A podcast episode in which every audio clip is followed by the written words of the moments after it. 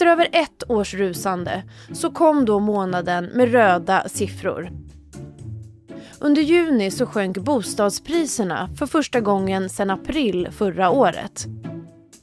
Analysföretaget Valueguard visar på sjunkande siffror i juni på framförallt småhus i landet och stillastående på bostadsrätter. I Stockholm har priserna gått ner mest med 1,3 procent i juni och en bit nu in i juli så fortsätter minskningen. Men det är fortfarande väldigt dyrt att köpa hus. För att jämföra så har villapriserna senaste året stigit med drygt 20 procent och bostadsrätterna med 11,5 procent. Ja, och det ska sägas, det är små förändringar nu. 1,3 för villor i huvudstaden är inte jättehögt. Men att priserna går ner, det är första gången på ett bra tag alltså. Det som sker nu är inget som är så förvånande för mäklarbranschen. Många mäklare har spottat att bostadsmarknaden kommer bli lugnare de kommande månaderna. Priserna kan helt enkelt inte gå upp hur länge som helst. Eller? Ja, jag kan inte låta bli, för vem hade kunnat förutspå pandemins påverkan och huspriser som går upp 20% under ett år? Kan det vara så att sommarens minskning är början på en stadig förändring till hur det var innan pandemin? Ser vi en postpandemieffekt nu eller är det för tidigt att säga? Och är det rimligt att det ska vara så dyrt att köpa sitt drömboende? Det här ska vi prata om i dagens Aftonbladet Daily. Jag heter Amanda Hemberg Lind. Den som ska guida oss och svara på frågorna idag det är Claudia Wörman, boendeekonom på SBAB. Hon får börja med att reagera på de här nya minussiffrorna. Jo, men alltså ända sedan pandemin bröt ut så har vi sett stigande priser på framförallt småhus, alltså villor och radhus, men också på fritidshus. Och nu ser vi en tecken på en viss avmattning och de frågor som jag ställer mig, är det sommaren eller är det så att vi har slagit i taket? Att eh, människor omvärderar priset för en bostad eh, i och med att man inte liksom är lika mycket i sin bostad som under pandemin, att vi nu kanske återgår till det normala. Och det får vi se i höst skulle jag vilja säga. Varför är det viktigt då, eh, som du är inne på, att, att inte dra för stora växlar då på de här siffrorna som precis har kommit?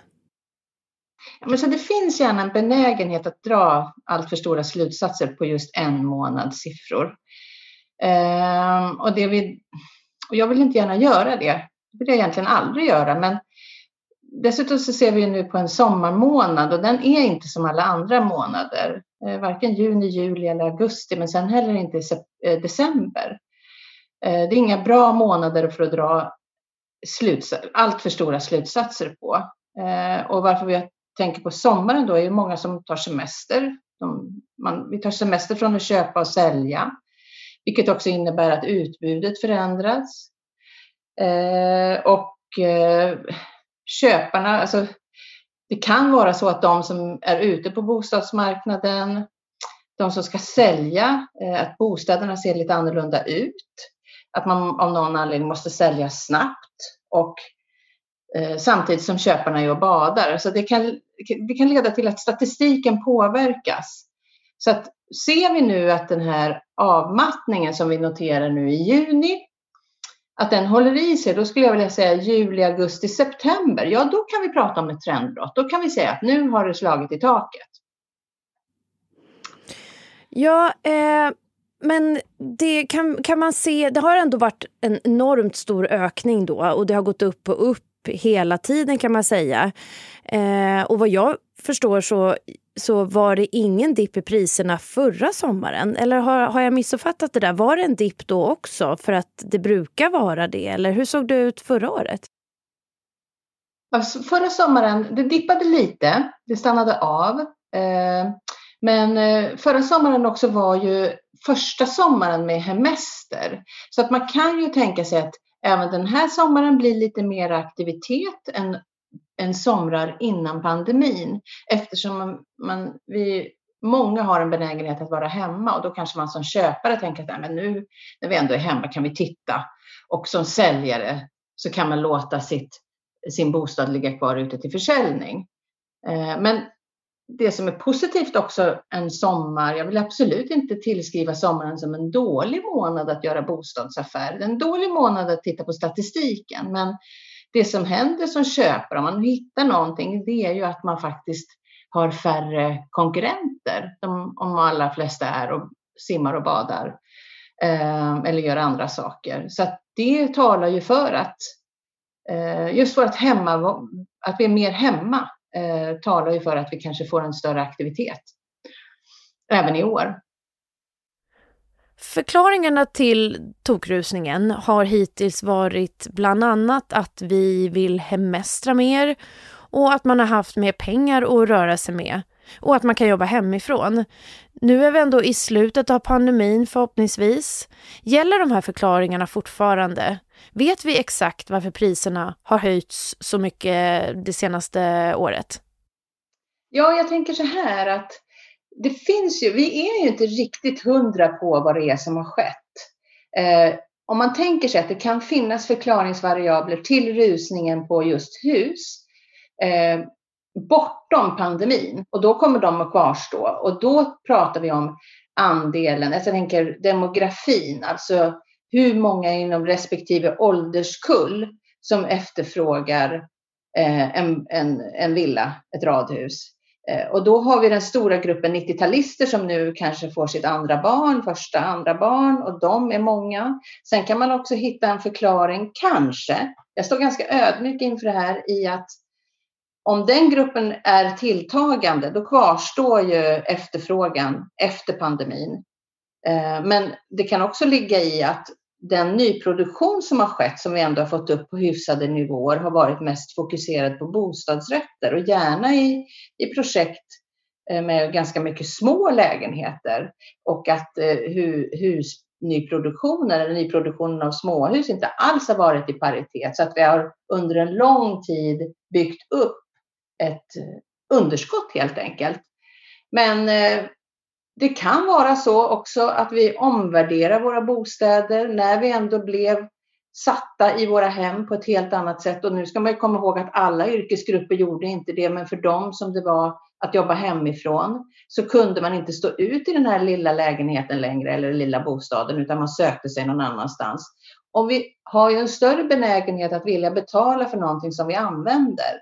Men om vi nu närmar oss en situation som liknar det som var innan pandemin, det vill säga att vi spenderar mera tid utanför våra hem. Vi kanske åker hemifrån klockan sju och återses där hemma klockan fyra, fem någonting. Ja, då kanske inte betalningsviljan, även om pengarna finns, så kanske inte betalningsviljan är lika hög för någonting som man inte använder. Om vi ska titta bakåt lite så är det dyrare än någonsin förut att köpa sin bostad. Och samtidigt är det väldigt låga räntor just nu. Alltså går det att köpa bostad för en dyr peng men samtidigt ha en förhållandevis låg månadskostnad på sitt bolån.